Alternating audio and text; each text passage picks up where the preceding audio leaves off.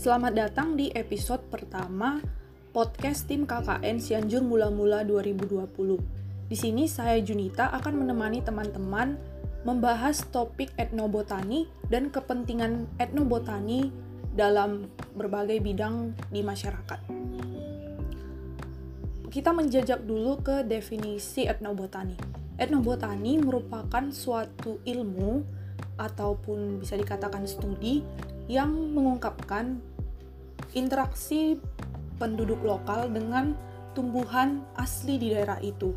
Jadi bagaimana mereka melibatkan tumbuhan-tumbuhan tadi itu ke dalam sistem kebudayaan mereka.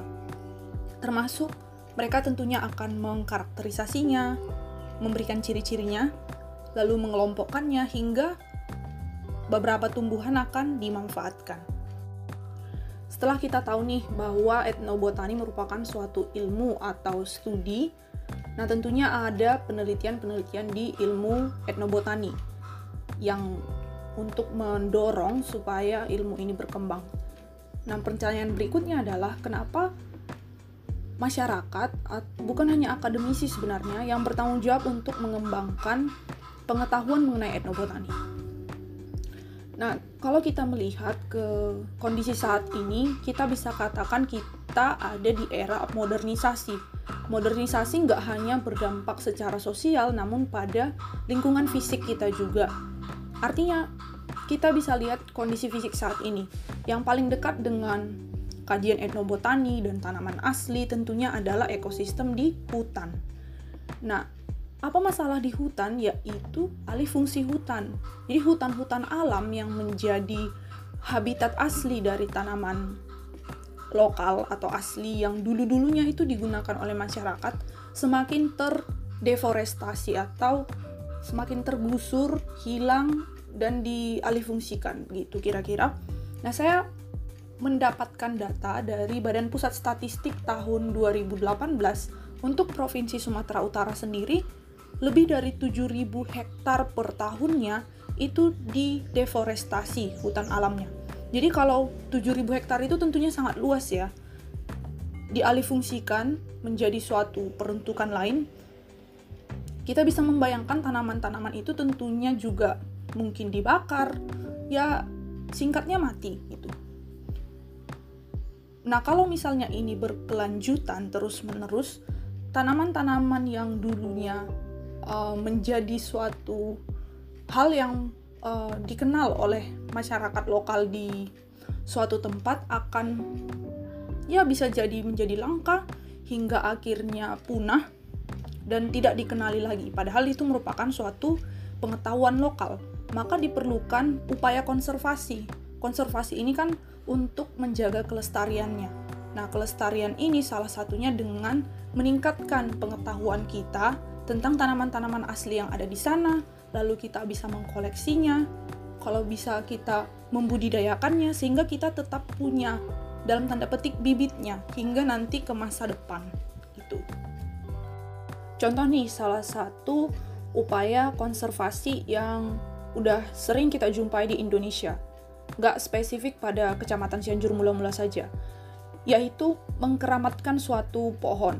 Ya mungkin bagi masyarakat primitif, mengkeramatkan suatu pohon artinya tidak boleh mendebangnya dan meng, uh, ibaratnya menjaga kehormatannya begitu ya.